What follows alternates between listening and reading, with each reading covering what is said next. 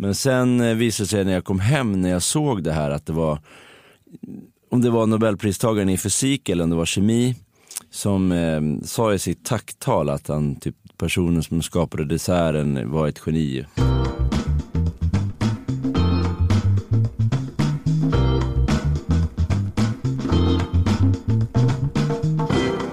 Han har varit med och utklassat världseliten i matlagnings-OS. Han har fem år i rad fått det finaste uppdraget en konditor kan få, att göra desserten till Nobelfesten. Och han har geniförklarats av en Nobelpristagare i kemi. Dessertvirtuosen Daniel Roos berättar om hur han nådde toppen och hur han för sin första miljon köpte in sig i krogsuccén K-märkt. Jag heter Joel Dahlberg och du lyssnar på podden Min första miljon. Först några ord från poddens sponsor.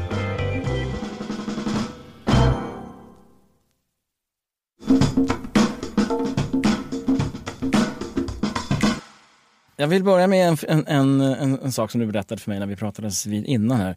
Och det var att du har ju faktiskt geniförklarats av en nobelpristagare i samband med en nobelmiddag. Mm. Hur gick det till? Ja, det var lite konstigt. Jag, första nobelmiddagen jag gjorde 2014 så när vi hade skickat ut desserten och det. Så när jag kom upp i köket igen så satte jag på min telefon och då bara fick jag jättemycket sms och det hade varit folk ring, som ringt och sånt och alla bara, men grattis så mycket och grattis vad bra det gick och så här. Jag tänkte inte så mycket mer på det. Men sen eh, visade det sig när jag kom hem när jag såg det här att det var, om det var nobelpristagaren i fysik eller om det var kemi, som eh, sa i sitt tacktal att han, typ personen som skapade desserten var ett geni. Alltså, ja, det var, det var jätteroligt liksom. Men många som var, pratade just om desserten efter den middagen. Så det, var, det hade man inte vågat drömma om. Liksom. Nej, och det var första gången du gjorde det? Ja, så att, det var skithäftigt. Kan man säga att det var en succé? Ja, det får man väl säga liksom. Så att, det, det var verkligen roligt. Ja. Den här resan började ju långt tidigare. Mm. Eh, slutet på 90-talet, början på 2000-talet. Mm. Eh, hade liksom, var, var, kunde du se dig framför, kunde du se framför dig då någon, någon, att du skulle nå någonstans dit? Eller vad, vad var tanken från början? Jag vet från början, jag har väl alltid varit så här extremt äh, tävlar liksom. Ja, men, har man spelat fotboll eller basket eller vad man har gjort så har man ju varit så här, vill alltid vinna och dålig förlorare, envis. Är du dålig förlorare? Ja, så jäkla dålig förlorare liksom. Men då, mm, jag tror inte jag tänkte när jag började baka att jag ska bli eh, bland de bättre i landet eller jag ska tävla massa så. Det tror jag inte jag tänkte. Nej. Men jag, jag, vet att min, en av mina gamla lärare hade sparat någon lapp och då hade jag skrivit tydligen typ i ettan i gymnasiet att jag ska bli Sveriges bästa konditor på någon lapp. Så att kanske att jag tänkte, jag vet, men inte så här nu när jag tänkt på det efterhand att jag var så, men han, alltså hade jag skrivit så så hade jag väl kanske börjat tänka lite så i alla fall. Liksom. Mm. För du börjar ju kan man säga från, från botten i ditt yrke? Eller? Ja, det måste man ju säga. Liksom. Så att, ja, men jag kom in på det, jag gjorde praktik i högstadiet på en matbutik där de hade ett bageri. Och då så sprang jag in där och tittade istället för att vara i butiken för det var mycket roligare. Och sen så fastnade jag för de, de, det var tre unga killar och de var, tog hand om mig och var jävligt schyssta. Och sen hängde jag där och sen hade de pluggat eh, konditori och bageriutbildning på Enskede gårdsgymnasium. Mm. Alltså då blev det att jag sökte dit liksom. Okay. Så det var de som liksom Alltså det var, jag tyckte nog att det var kul att, att, att snacka med dem och hänga där och käka, för jag gillar att käka sötsaker. Men, men hade inte de varit så schyssta så hade man kanske inte fått det där liksom, glöden att man verkligen vill jobba med det. Ja, okej. Okay. Eh, ska röra oss ganska snabbt framåt för att eh, så småningom efter ett antal anställningar så fick du jobb på Berns, eller hur? Det var, mm. var det det första liksom, riktigt tunga jobbet, kan man säga det? Ja, men det måste man, eller jag jobbade ju på Gourmandis för han fransman eller Ron innan. Och det var väl bra, men, men, ja, men det kanske man, det var ju riktigt så här första restaurangjobbet där man jobbade kväll och gjorde desserter, liksom, skickade ut dem till gäster direkt. Liksom. Ja. Så det var ju skarpt läge. Liksom. Ja. Men där berättade du att du, du, var ju, du var ju lite kaxig kan man säga när du kom dit. Och ja. Eh, du, du utmanade kan man väl säga menyn där. Ja. Kan du berätta om det? Ja men jag, när jag började då, första, då var det en meny som var. Och då tyckte jag väl att allt som var på den där menyn var skitbra. Liksom. För jag kunde ju inte så mycket. Så då fick jag wow shit, allt var bra.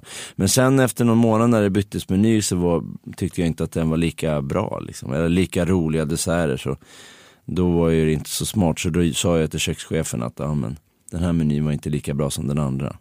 Och då blev ju han sur för att man kan inte kanske som 20-åring och ganska ny på jobbet. En pojkspoling typ? Som... Ja precis, då kan man kanske inte gå och kritisera sådär. Nej, men det gjorde du. Ja, och då fick jag käka upp då. Ja. Då, så då sa han, ja men du, du kan eh, skapa två desserter, eh, du lagar upp dem om en vecka för mig. Så jag försökte och sa, nej men så dåligt var det inte men. Nej, men han stod på sig och så var Du det bara. försökte komma ur det då alltså? Ja det verkligen liksom, jag tänkte, fan nu, nu måste jag försöka. Så Att jag inte kan hålla käften? Ja, så, ja precis, men jag försökte ja, men så dåligt var det inte eller så. Men då fick jag ju, ja, bara kavla upp armarna och, och Ja. göra det liksom. Ja.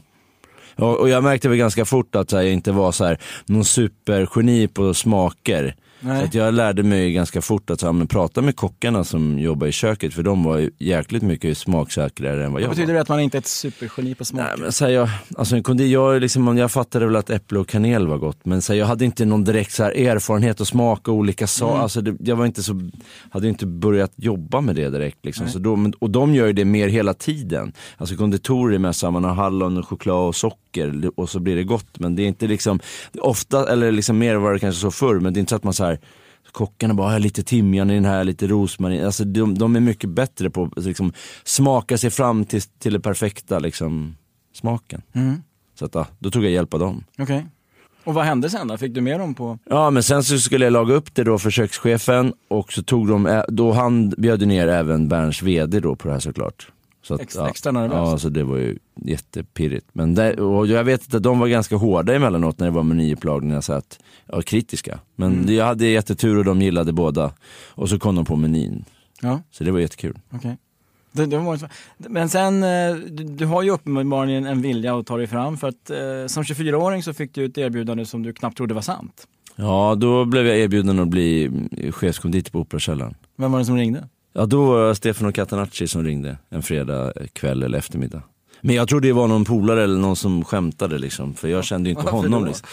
Nej, jag tänkte, hur har han fått nys om mig liksom? Det är lite så. så att, Ja. ja. men det var ju bara att tacka ja och även om man var nervös här, tänkte att, kan ju inte liksom inte testa, då kommer jag ju sitta när jag är gammal och ångra mig liksom. Vad, vad hade hänt om jag gjorde Men det? det var ett chefsjobb, du var 24. Ja, jag var nog ingen bra, liksom, bra chef. Nej. Var jag nog inte, men nej, det tänkte jag inte på heller liksom. Men Det var bara- du kunde inte säga nej, kändes det? Nej, nej. Då, och sen tänkte jag att för, om, det, om jag misslyckas så har jag i alla fall försökt. Liksom. Ja. Så att, ja. Men, men du kom dit som 24-åring, var det liksom bara, sen flög du bara eller vad, vad liksom, hur Nej. skulle du beskriva det? Ja, men första tiden var jättetuff. Det var typ så här, nästan så här, inte jobbigt att gå till jobbet, men de tre som jag jobbade med, de ville inte jobba med mig om man säger så. Okej. Och de hade jobbat med duktiga, jätteduktiga personer innan. Eh, så att de tänkte, vad är det här för skitunge som kommer? Som är 24 år och inte kan så mycket. Så det var väl det, det var lite, lite motigt i början. Men... Ja, ja. Men då, då fick jag, kände jag att nu jäklar, nu måste jag bli bättre och så får jag bevisa att de har fel. Och du, du tog hem pärmarna förstår jag? Ja precis, de hade ju, de, precis, de hade ju receptpärmar där sen, sen många år tillbaka som det fanns mycket bra i. Så jag tänkte så här, ja, men jag tog hem en i veckan och kopierade recept och så här, så tänkte jag, ja men om jag får kicken efter provanställning så har jag i alla fall kopierat alla recepten liksom. Så det gjorde jag. Då hade du fått någonting med dig. Ja men precis, ja, fan. Men du, det, det gick bra, du fick inte Ja, sparken? nej, nej det, det, det blev bra. Jag kanske inte första menyn så här efterhand som jag gjorde var kanske inte så här briljant. Men jag tror jag bytte meny efter jag hade jobbat här i två veckor. Så det är svårt innan man kanske riktigt vet vilken nivå det ska vara och vad gästerna gillar där. Och, Ja. ja. Men sen blev det bättre och bättre. Och Stefan Catenacci, hur, hur funkar det samarbetet? Nej, bra alltså. Supertrevlig person. Och han var, han var väldigt så här. Jag gillade ju, jag blev mer och mer så att jag gillade att prova nya saker och testa. Och han var ju väldigt så här. Att jag hade väldigt fria tyglar. Ja. Så det var ju jätte, jättebra. Ja. Så det funkar ju super. Ja. Sen, sen kom ju då, eh, eh, när du varit där ett tag, du, du bloggade, du började blogga va? Ja, precis. Ja, det var ju lite för att få ut mitt namn liksom. Behövde jag, du det då? Ja, det, jag tyckte det i alla fall själv. För att det var ju lite så här, man tänkte nog alltså, ja men nu, nu blev, har jag blivit chefskonditor på Operakällaren, nu kommer typ alla veta vem jag är i den här branschen. Eller lite, lite så, att det är så Ja. anrikt ställe, men sen efter ett år märkte jag att det inte var så. Det var ingen som var- visste vem du var? Nej, Nej. och då tyckte jag också att så, då började jag göra bättre och bättre saker. Så då tyckte jag, nu, nu är det dags. Men det här drivet att du liksom ska vara någon, för många tycker att det är ganska skönt att sitta i, i godan ro och ingen vet Mm. vem man är och bara liksom pula med sitt. Men du är inte sån. Nej, nej, jag, nej, jag ville verkligen så här göra med ett namn och att få, eller lite så här, jag tror det var liksom att kanske man behöver bekräftelse på att man är bra. Lite, det måste vara någonting sånt som man söker för annars hade jag inte gjort det liksom. Mm. Så att, jag tror att, att jag ville att folk skulle tycka att jag var bra liksom. Mm. Och visa, jag, så, här kan, så här bra kan jag göra. Vad bloggade du om? Nej men blogga om så här, mm, saker, jag, men ibland lämnar jag väl något recept och så här, men annars var det typ saker jag gjorde på jobb, alltså när jag gjorde på jobbet, när jag provade fram nya saker. Men det kunde även vara när jag eh, åt på andra restauranger så här, runt om i världen eller i Sverige eller så här. Blev du känd då? då? Nej men känd, jag vet inte om jag blev känd men det var ju mer, det var ju mycket så här. och sen hade man väl någon dröm så att man ville, jag ville vara med i, i, en, i tidningen Gourmet som var så här, den mattidningen som var häftigast så här. Och då, då, fick jag då fick jag göra ett reportage där. Och, sen, och det blev jättefint, sen efter det så blev det så här, då fick jag mer och mer förfrågningar liksom om att göra mat. För då var det mer så här, såldes det nog mer mattidningar. Ja. Så då var det så här, ja, ville man vara med så många som möjligt liksom. Mm. Och det blev mer och mer. Och sen, ja, då blir det väl att man, folk vet vad man är liksom. Men du fick inte vara med i TV5?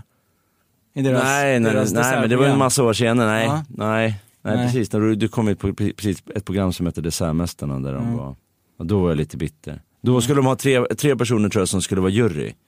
Och då, och då tyckte jag väl att jag var ja, men en av få personer vid den tiden som typ jobbade med desserter dagligen. Liksom. Och då hade jag väl, ja, tro, hoppats och trott att jag skulle få vara med där. Liksom.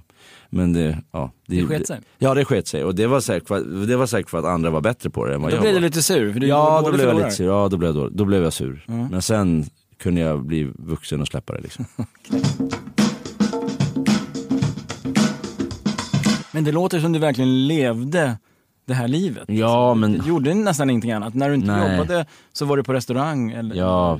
spånade kring recept. ja, så var det. Jag var nog inte så intresserad av så här, ha någon fast tjej och sånt. Alltså det hade jag inte tid med liksom. Du må- tyckte inte dina polare att du var jävligt nördig då? Jo, det tror jag tyckte. Men sen då kanske man umgicks en del med folk som var i den branschen också. Så Lika man, nördiga? Ja. Men jag vet att jag, jag, jag, föredrog att jobba kväll på Operakällaren för att då fick man ju liksom skicka ut desserten och lägga upp dem på tallrikar. Mm. Men jag kom ju på ganska fort att om jag kommer in på morgonen, på morgonpasset så kan jag ju stå hela det passet och träna och prova nya saker tills jag ska börja jobba. Så det var långa arbetsdagar? Ja. Men det var ju fri, alltså frivilligt. Så. Jo, jo. så att, ja men det var. Det är men, det som krävs om man ska Ja, eller, bra. jag tror det kanske finns eh, större talanger än mig, men jag såg att för mig var det att nöta det till att bli bra. Ja. Alltså.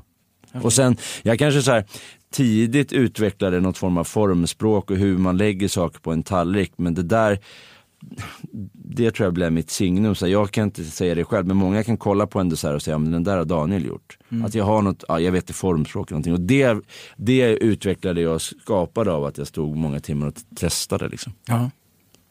Många timmar eh, blev det ju sen också eh, när du kom med i kocklandslaget. Ja, ja, så var det. Men då hade du hunnit sluta? Ja, jag var med i början. Ja, I början, första, jag tror första tre åren så var jag anställd på Operakällaren. Okej. Och sen sista året så var jag liksom kon- frilans för att det inte gick att kombinera. Liksom. okej. Men eh, Och du, du kom med, vilket år var det? ja, 2009 Okej. kom jag med. Hur, hur gick det till? Ja, men man, eh, jag fick en fråga då när de, liksom, när de, de byter, liksom oftast väljer nya lagmedlemmar var fjärde år. Och sen är det vissa som väljer att stanna och vissa som slutar. Så här, men då, då 2008 då när de hade kommit trea på OS, då fick jag någon förfrågan om jag skulle vara intresserad av att vara med vid nä- nästa lag. Mm. Och det ville jag. Hade, det hade man ju drömt om då några år så har jag haft som mål. Och då så, ja men jag skickade in mitt CV typ och sen Ja. fick jag typ jag vet, jag tror inte, de, de fick bara ett mail typ, men välkommen till laget. Jag, tror, jag vet inte ens om jag var på någon intervju. Kanske att jag träffade han, Christer som var lagledaren och bara snabbt och hälsade på honom och så.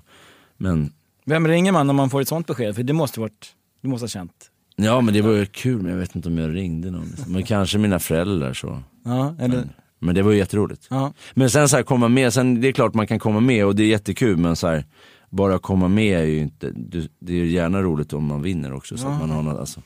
Okej, så det var bara, det var bara liksom... Delmål, men, nej, men det är klart att det var jättekul. Men jag, men jag tror också att det var så här, jag kommer ihåg första sen de skulle presentera de nya lagmedlemmarna så fick man ju en sån här rock, då, kockrock med, med sitt namn och kocklandslaget. Då kände jag mig skittuff. Så här, "Åh, shit, jag har den här rocken på mig och så här. Och sen att man hade den ibland när man jobbade på jobbet också för att så? visa. Vad var det som var så tufft med den där rocken då? Nej men alltså det var ju så här, lite- man tyckte att, det var status, att de, Mm. det var en bekräftelse också på att man var bra. Men jag, men jag tyckte, ja, jag tyckte att det var lite cool så. Men sen fick jag ju känna ganska snabbt när det var mm, första eller andra träningen så var det ju, skulle jag laga upp någonting för alla andra lagmedlemmar. Och det, de var inte så förtjusta i vad jag gjorde. Oj då. Var du yngst? Nej det var jag nog inte men, nej. vi var alla i ganska samma ålder så. Okej. Så att jag var, nej jag var inte yngst. Men jag var inte van att få kritik så det var ju, jag kände mig som sämst i världen efter första träningen. Liksom. Okej, du var mosad. Ja lite så, Ja. stukar verkligen. Och arg blir du ju också. Ja, det- ja då, första Då- träningen. dålig förlorare blir ja, jag, första träningen var jag nog mest så här ledsen. Men sen, Ja. jag kommer ihåg att Tom Sjöstedt, en jätteduktig kock som har Lilla Ego, han, han ringde mig efter första träningen och frågade så här, är du okej med dig Daniel? Mår du liksom, du får inte ta det så hårt. Så tydligen var det nog fler än han som såg att jag var inte liksom, tog det så bra. Du var inte glad. Nej. Och, sen, då- och då tänkte jag nog efter det så tänkte jag mer så här, ja, men man, det är inte bara den, att ha den här rocken på sig nu som är grejen. Nu måste man leva upp till och liksom prestera, annars är det ingen. Ja. Ja. Så det blev ju hårt, ja, man fick lära sig det. Liksom. Hårt jobb. Ja. Men allt det här ledde ju fram till OS 2012. Ja. Mm. Och då, ja, då var vi, vi hade precis, vi hade, två år innan hade vi förlorat VM-guldet med så här 0,5 pro- poäng eller något sånt. Och då blev du arg igen. Ja då blev alla arga. Alltså det var, och då, då bara, nu måste vi leverera. Så då, Ja. Och då gjorde alla det verkligen. Okej. Så, Så då... då- var siktet på två år senare OS. Ja på OS. Vad betyder OS? Vad är det då? Ja det är, det är olympiskt, det är som ett, det var fjärde år. Okej, Så det är som en ja. mat-OS liksom. förstår. Eh, och, vad, och då, var ni, då var ni taggade och väl Ja. förberedda? Och så, ja verkligen. Alltså vi, vi var, tyckte att vi var bra och kanske värda att vinna två år innan men nu var vi så här, vi var tvungna att vara mycket bättre än så för att vi inte skulle kunna liksom, Mm. bli bortdömda på någon liten skitpoäng. Liksom. Nej. Så då, vi tränade säkert ännu hårdare liksom. Och hur gick det? Ja det gick bra, vi vann ju. Ja. Så det var ju roligt. Det är bra. Ja det var skitroligt. Var då var jag glad. Då var du glad? Ja. Var, man var nog lite nervösa innan. Man satt på prisutdelningen, den var, den var säkert två, tre timmar lång och sen det var ju typ man fick, var ju tvungen att se, för det är ju så mycket olika, det är regionala lag och det är så individuella kategorier. Det tog liksom ja, tre timmar innan de skulle, de stora liksom, priserna skulle ut. Så det var ju en pina att sitta där liksom. Man hade suttit två år innan på samma sätt och då så hade man torskat på sista liksom, utropet. Så det vill man ju inte liksom. Ja, nej. Var Var, det- var det jämnt den här gången också? Eller? Nej det var inte jämnt. Var inte jämnt. Nej jag vet inte hur många poäng men det var, ja men det är i alla fall massa olika kategorier som du tävlar i. Alltså för, typ förrätter, varmrätter Mm. och typ sådär. Så heter de olika A, B och C och sådär. Men då så kommer jag ihåg att det var kategori A som var den första. Och då så var, vann Sverige kategori A och då gick vi alla upp på scenen och då sa han tyska överdomaren bara, ja men ni kan stay on stage sa han. Och sen så stod han bara så här, ja, stod han och radade upp så här, nästa ja, kategorivinnare Sverige, C, Sverige. Så vi vann ju allt Oh, överlägset så. Okej. Så det var ju inte så jämnt. Nej, Men det var jättekul. det var utklassning. Det är klart, det var, det var, utklassning också. ja, det var utklassning. Men, men jag tror det hade varit lika roligt att vinna med en halv poäng. Men, men det var superroligt. Ja, det måste vara en otroligt stor grej. Ja. Det är svårt. Och sen guldmedaljen man fick, den är ju så här, den är, det ser ut som en, som man ser på typ vinter-OS eller sommar-OS. Så det var ju bara Mm. Ja, riktigt coolt alltså. Okej. Och det här gav ju då ringa på vattnet förstås, om vi ska flytta vidare till Nobel. Ja, men man, det var ju verkligen det man ville göra då. Men sen hade, genom att det hade gått så bra på OS och vi hade fått så um, bra och mycket uppmärksamhet, så det gav ju lite så här uppmärksamhet runt om, liksom, jag ska inte säga världen, men i alla fall i Norden. Och då fick jag förfrågan från eh, Gert Klötske som är ja, en känd svensk kock. Och han har ju, han har ju varit eh, lagledare för kock, svenska kocklandslaget många år och sen nu hjälper han finska kocklandslaget. Okej. Och han hade väl, jag tror han hade väl kanske, vi hade ju träffats så han hade kanske koll på vem jag var men jag tror att jag, när han märkte hur, att det gick så bra för oss på OS och vi fick så höga poäng, så då, då frågade han mig om jag ville hjälpa finska kocklandslaget. Okej. Så då sa jag ja till det. Och då så åkte vi till Finland och sen så mm, var vi där under en helg och så bodde vi bodde i samma stuga typ. Och då så visade det sig att han är en av gastronomiska rådgivarna till Nobelstiftelsen. Och då frågade han mig om jag, Det ledde till en förfrågan Ja. ja.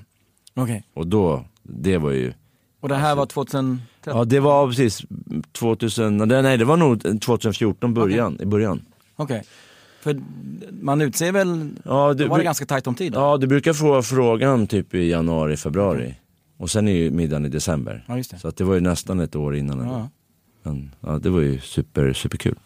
Och då sa du ja. Ja, ja det, var inget, det var ju typ det jag hade velat göra så himla himla länge. Och då hade vi precis, vi hade ja, precis öppnat, vi hade börjat, nej vi hade inte öppnat Cormac för det gjorde vi i augusti men vi hade ju, vi hade ju börjat ses jag, Jens och Mm. så det, man tänkte väl att ja, men det här kan ju vara bra om man ska öppna en krog och få göra det. Precis, Ja. precis. Det började man ju tänka lite på. Men eh, okej, men då ska du då presentera förstås Ja, då en skulle, schysst dessert för, ja, för jag tror att det var verkligen dignitärerna på Nobelkommittén. Exakt, så jag tror att frågan kom som sagt i januari och sen tror jag att jag lagade, skulle laga upp i feb, med, vet du det, mars. Första gången. Och då, ville de ha, då sa de att de ville ha tre förslag. Och eh, jag var väldigt nervös för att jag visste inte hur de skulle vara. Alltså jag, jag, jag kände ju Gert lite så jag visste att han var jättesnäll och sen Fredrik Eriksson, den andra gastronomiska rådgivaren kände jag inte innan. Men jag visste inte hur kritiska de skulle vara och hur de skulle liksom uttrycka sig. Så jag var lite, jag, jag tänkte att det kan ju vara som en kocklandslaget träning att de bara, nej det här, du kan inte använda något av det här, får, du får presentera Okej. nya grejer. Okej, okej. Ja. Men det, de var ju supersympatiska och det gick jättebra. Så jag, jag, jag, åt upp dem alltså? Ja, så jag hade lagat tre desserter och sen och det var en som de valde bort och sen fortsatte man jobba med två. Men det var en då dessert som jag hade med, med salmbär och saffran som de sa, första upplagningen sa de så här, du får inte ändra någonting med den här.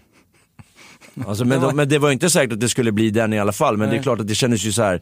det är ju en, skönt att få en bra start och veta att de säger så. Alltså, ja, det var, det, de, då blir det ju... Den smakade gott helt enkelt. Ja, de gillar den. Så det var ju skönt då till nästa upplagning, då visste man att den här är i alla fall hemma på. Blev det den sen då? Ja, det blev Eller- den, ja. Ja. Och det var inte någon, jag tror inte jag ändrade någonting. Nej.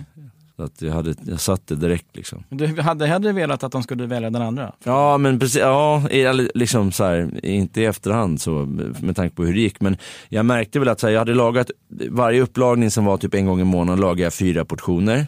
Och jag tror alla kan laga fyra portioner bra. Men sen sista upplagningen skulle jag laga tio. Och då märkte jag bara att göra sex mer, märkte jag bara att det här är för avancerat, jag kommer inte få ihop det. Alltså nu, bara, nu var jag lite för kaxig. Nu vill jag, eller liksom, att man ville visa folk att så här, så här bra dessert har inte varit på Nobelfesten. Och jag ville visa att det går att göra så bra. Du tänkte inte på att det var 1500 som Nej, ut? precis. Men då, då tänkte jag så här, hoppas de tar den andra desserten. Som var lite lättare, men det gjorde de inte. Nej, det gjorde de inte. Nej. Men så här, jag är glad att, alltså jag är glad att de inte valde det i efterhand. Liksom. Man ska ju inte Ja, fega. vi, vi, vi bör- började ju med det, det var ju den här Ja. som fick dig Ja, förklarad av en nobelpristagare. Ja, man ska inte fega liksom. Nej. Så att, det var ju superkul liksom. Mm. Och sen var det kul att jobba, min, min sambo är från Gotland och Salmberg växer på Gotland, det var ju kul att kunna liksom. Ja. Och sen hade ingen jobbat med Salmberg innan heller och det var ju också kul. Mm. Sen är, har det blivit ytterligare fyra då? Ja, ja Mm. precis. Mm. Men inte samma, det blev ju inte samma dundersuccé som första. Men kan du berätta, för du, du, du jobbar ju dagen därpå sen, på K-märkt. Ja absolut, ja fan. Då, då var det bara jag och en kille till. Så att, ja precis. Men, att du inte bara låg hemma och tog det lugnt, det måste, du måste varit ganska utsliten eller? Ja, det, man, var ju, ja, man var lite trött men samtidigt så här, alltså livet går ju vidare, alltså restaurangen måste, ju, måste ju köra på. Så att, men sen, vi, vi fattar väl inte, även- om det var så här att, att jag fick väldigt mycket beröm den där kvällen och folk var liksom, att det verkar som att de gillade desserten så hade man inte vågat drömma om hur liksom, trycket skulle bli på jobbet sen. För alla hade ju Ryktet hade spritt sig? Ja, så att, och då hade vi, vi brukar alltid göra Nobeldesserterna liksom i, i en take away version i glas. Mm. Och det här var ju första gången så jag vet inte, vi hade ju inte vågat drömma om hur mycket, vi, jag tror vi så här, först gjorde 150 stycken. Men när vi öppnade så var det ju liksom kö typ 50 meter förbi utgången. Så vi var ju helt man bara, vad är det här liksom? Men du fattade kopplingen direkt? Då förstod jag så här, shit, det här var, det The större. power of Nobel? Ja, alltså. for, det är större för folk än vad man kanske hade trott. Mm. Det har alltså varit fem år Mm. med I augusti ja. Ja, och utifrån vad du sa tidigare så, så vet du ju nu om det blir ett sjätte år eller inte. Ja, men Nobel, ja. Mm. Men det Det kan, du vet inte säga. man aldrig. det kan du inte säga. Nej, det är hemligt. Nej, det är hemligt. Ett tag till. Ja. Till jag hoppas om man har skött sig att man Ja. får förtroendet. Precis. Det, går, det är svårt att säga nej i alla fall. Ja. Alltså, det finns inget finare man kan göra. Det känns som det är så här middagarnas middag. Mm. Vem vill inte göra det? Liksom? Ja, jag vet det. Men vi har varit inne på det också, eh, för mitt i allt det här så, så, så blev du kontaktad av en, en, en, annan restauratör kan man väl säga. Yes. Eh, om ett projekt. Ja. Restaurangprojekt. Ja. Så att jag blev kontaktad av eh, Jens Dolk. Som han var väl känd då för mig var att han, han presenterade vintips på, på TV4 på fredagar. Mm. Men jag hade stött på honom några, några gånger med kocklandslaget också när vi gjorde event så att då skötte han snacket med vin och så här. Mm. Men jag tyckte, jag kände inte honom så bra men han, han gav ett eh, jäkligt bra eh, första intryck och han var verkligen så driven och kunde prata och så här. Så, så när, då ringde han mig och frågade om, ah, men vill inte du öppna ditt eget konditori snart? Då tänkte jag så, ja men det vill jag väl liksom. Men sen, ah, jag, jag ville, ville veta mer så då träffade jag honom. Okay. Och så presenterade han hela idén att han... Och det är K-märkt? Ja, K-märkt precis. Och då hade de sprungit över en jättestor lokal som var 1800 kvadrat. Oj. Och eh, för att få den där lokalen så, ja, då hade de tänkt att ha festvåning. Ja. Och då tänkte de ju på mig också för att jag var van att göra eh, stora liksom, fester på Stadshuset. Jag var van vid volymen om man säger. Ja. Och sen, men då var, räckte det inte liksom. Då skulle vi få lokalen av hyresvärden så var vi tvungna att ha, servera lunch. Okay. Men det var ändå liksom för stor, mycket kvadratmeter för att det skulle, så då bara... Då ville det här vi, på Karlavägen? Ja, på Karlavägen 100, ja, precis, mm. garnisonen. Så då, då sa Jens men vi vill ha bageri och konditori också. Och det var där liksom som eh, de ville att jag skulle vara. Så att, ja. ja men jag, först, först tror jag så här, jag träffade Jens och eh, en annan kille som var med i början som heter Johan. Och så jag tror efter, efter första mötet så tackade jag nej. Men, eh, jag, och jag vet inte varför liksom, men jag tänkte bara, äh, men jag orkar inte liksom, ge mig in i det där. Eller, att jag, kan, jag, jag, jag, kanske var lite feg, ja men sen ångrar jag mig. Sen mm. träffade jag Jens igen och då övertalade han mig. Mm. Så, men det var inte så att han behöver tjata liksom. Men, nej, jag tänkte att jag måste våga. Liksom. Ja. Och sen så om jag ska vara helt ärlig så hade jag ju märkt att från att gå och laga typ 20-30 desserter per kväll, att det gav ju lite mer pengar i kassan när man lagar till många. Och det hade jag fått lära mig på Stadshuset att så här, ja men det kanske inte är så dumt att vara med på det här för att, ja men för att det kan bli lönsamt. Bara att sälja prinsesstårtor mm. och, och bakelser, det tror jag är svårt att liksom tjäna pengar på. Men var du trött på lönarbete? Kan man, var det det kanske? Ja, men jag, jag, jag, jag var ju min, e- på Stadshuset så fakturerade jag ju dem så jag var inte okay. anställd men Nej. Men jag, ja, jag, jag, hade inte kunnat tänka mig att bli anställd igen efter jag hade kört, liksom, kört mitt okay. egna. Så det var ju, jag tror det där, just att de hade festvåning och kunde ta många så tänkte jag att det där kan bli bra liksom. Ja. Så då, då, köpte du in dig i företaget? Ja, precis. Okay. Så då, då satsade jag de pengarna jag hade sparat ihop. Okej, okay. det var en slant ändå? Ja, men, ja. ja, det var det. Men det var inte supermycket. Och sen så var det ju som lån också.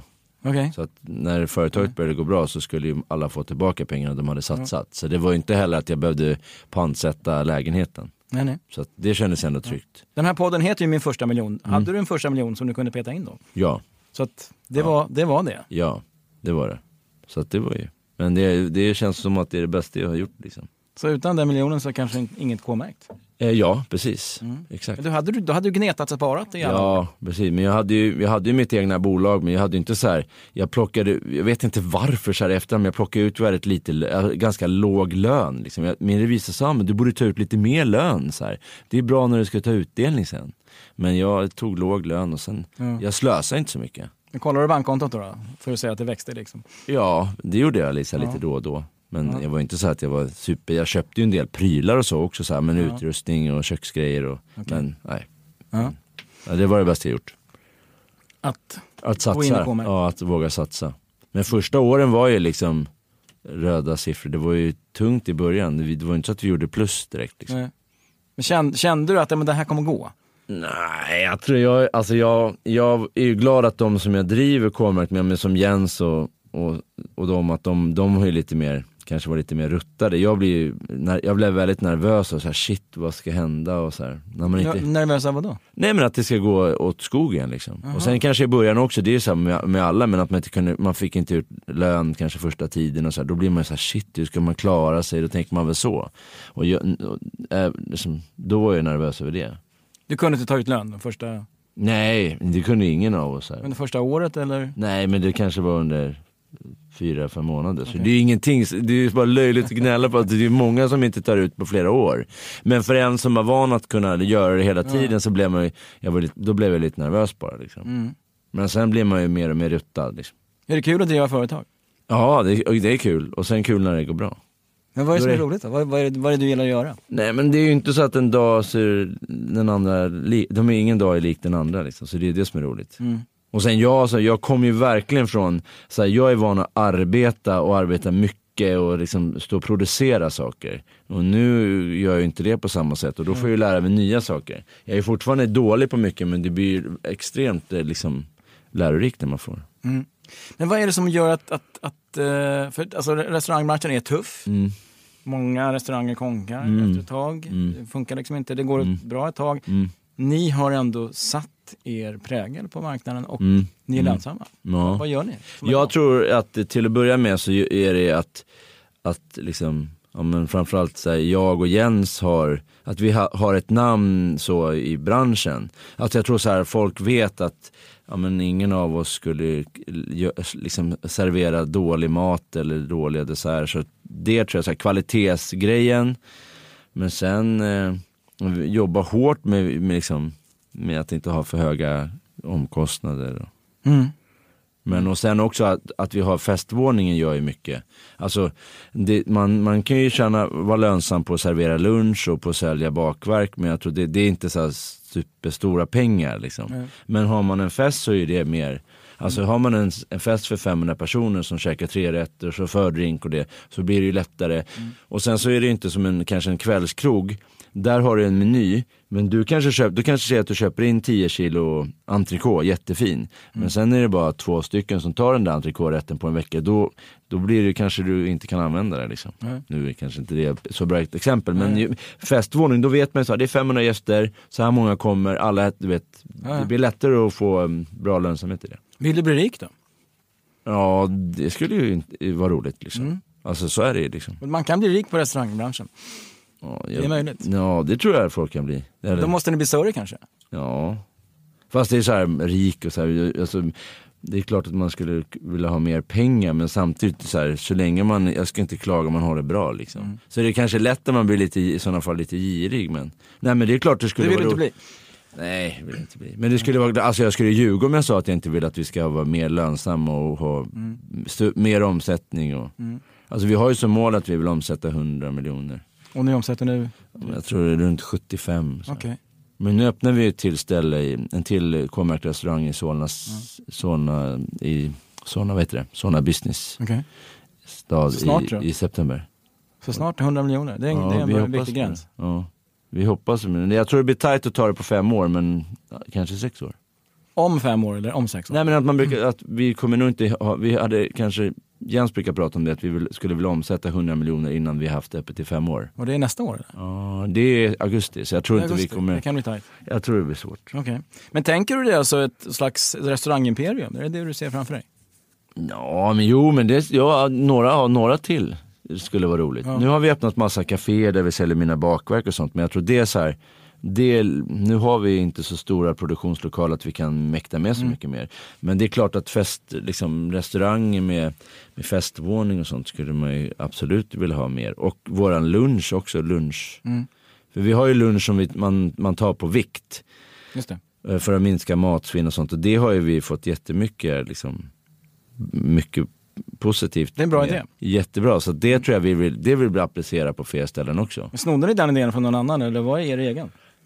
Jag vet, jag, jag ska inte, jag vet inte, det var inte min, direkt min idé, men vi hade en, en, en kille som var med oss i, i början, när vi startade K-märkt, Mm. som inte är längre med oss. Och han hade jobbat på ett ställe som hade det. Så han tog dit det. Okej. Och sen har det vi funkar? utvecklat det. Ja. Ja. Ja. Vad, eh, om ni tittar framåt då? Ja. Det är här, fem år, det är i år. Mm. Ska ni, sätt, ska ni omsätta liksom 200 miljoner om fem år? Om fem år till menar Ja. Det hade ju varit roligt. Ja, men, nej men fler, alltså så länge, vi, så länge vi kan vara, jag tror det viktigaste som vi känner är att vi vill vara liksom, vara närvarande i driften.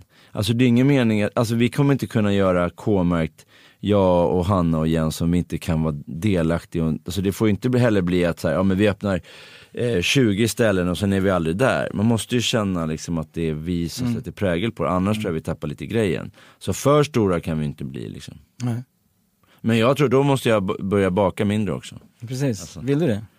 Ja men nej, jag vet Nu bakar jag, nu bakar jag typ halvtid. Så, att, nej, men, ja, så länge jag kan lära mig nya saker och utvecklas. Jag gillar att hålla på med så här heminredning och design och sånt. Då kan jag, sen kan jag hålla på bara designa alla restauranger. Det skulle vara roligt. roligt liksom. ja. Men det verkar som att du är lite grann på väg ifrån eh, konditoriet. Ja men jag vet, jag har ju hållit på med det nästan 20 år.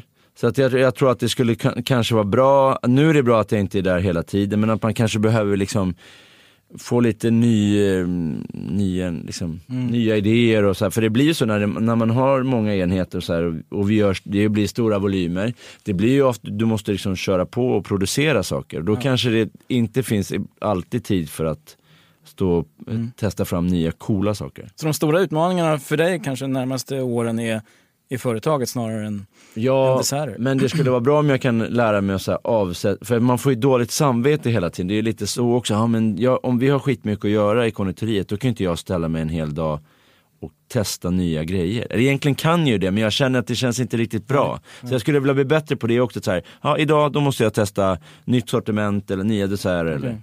Bestämma dig för när du ja, gör vad? Så att säga. Ja, okay. det tror jag skulle vara bra. Det skulle minska stressen också? Ja, ja, ja. ja. Men... Men du, det är ju många som, som eh, mat är ju hett, mm. restaurangbranschen mm. är het i Stockholm. Mm. Stock, Stockholm är extremt mm. restaurangtätt, även mm. många andra städer i Sverige. Mm. Den som nu vill starta en restaurang, har du tre, tre tips? Hur gör man? Ja. Men alltså, tumma aldrig på kvalitet, att man köper ja, men, billigare råvaror som inte är lika bra. Mm. Det är väl, och sen någonting som jag tycker, jag har lärt mig mycket av att så här, det är oftast okej okay att man kanske i början säljer för inte så mycket men det är väldigt lätt att man har för mycket personal. Personal är... Det är dyrt. Ja. Men man klarar sig inte utan någon såklart Nej. heller. Men det, det, det, får man, det är jättelätt i början att man har för mycket personal. Sen, och det hade ni också då jag? Ja, absolut. Ja. Liksom. Så ni fick lära er det den hårda vägen? Ja, precis. Ja. Jag vet inte, tredje liksom. Nej men sen att man, att man måste vara inställd på att jobba riktigt hårt, att det, liksom, det kommer inte av sig själv. Det är ett jäkla slit. Ja, så är det ju liksom. Du har ju familj, hur, hur kombinerar du det med liksom mycket kvällsarbete? Och... Ja, nu, nu har jag förmånen att inte jobba så supermycket kväll. Jag jobbar mm. oftast, oftast jobbar jag måndag till fredag liksom dagtid. Genom att vi har, fest, vi har fester lite då och då. Då händer det att man hoppar in mm. kväll. Men vi har ingen à la carte krogsverksamhet så man behöver inte vara där liksom. Mm. Fast det skulle vi nog, det sa jag inte, men det skulle vi nog vilja ha. Inget som vi planerar nu, men inom några år så vill, skulle vi säkert vilja ha en, en så här krogklassiker där vi har kväll också. Mm. Mm. Och då skulle man säkert inte kunna låta bli att vara där och pilla och liksom. Alltså. pilla lite på design. Ja, det är ingen annan som skulle få göra det. Liksom. så, att, ja, så det kan bli, det skulle vara roligt också. Mm. Och nu min dotter är två år, sedan om de är lite äldre och så, så är det ju lättare att vara borta också på kvällen. Mm. Daniel Ros, ja. hemskt vill ha det här. Tack så mycket för att jag fick komma. Det var veckans avsnitt av Svenska Dagbladets podd Min första miljon. Nästa vecka träffar vi Jonas Tellander, ljudboksföretaget Storytels grundare. Och så får ni inte missa förra veckans intervju med Per Svärdson, Sveriges motsvarighet till Amazons Jeff Bezos.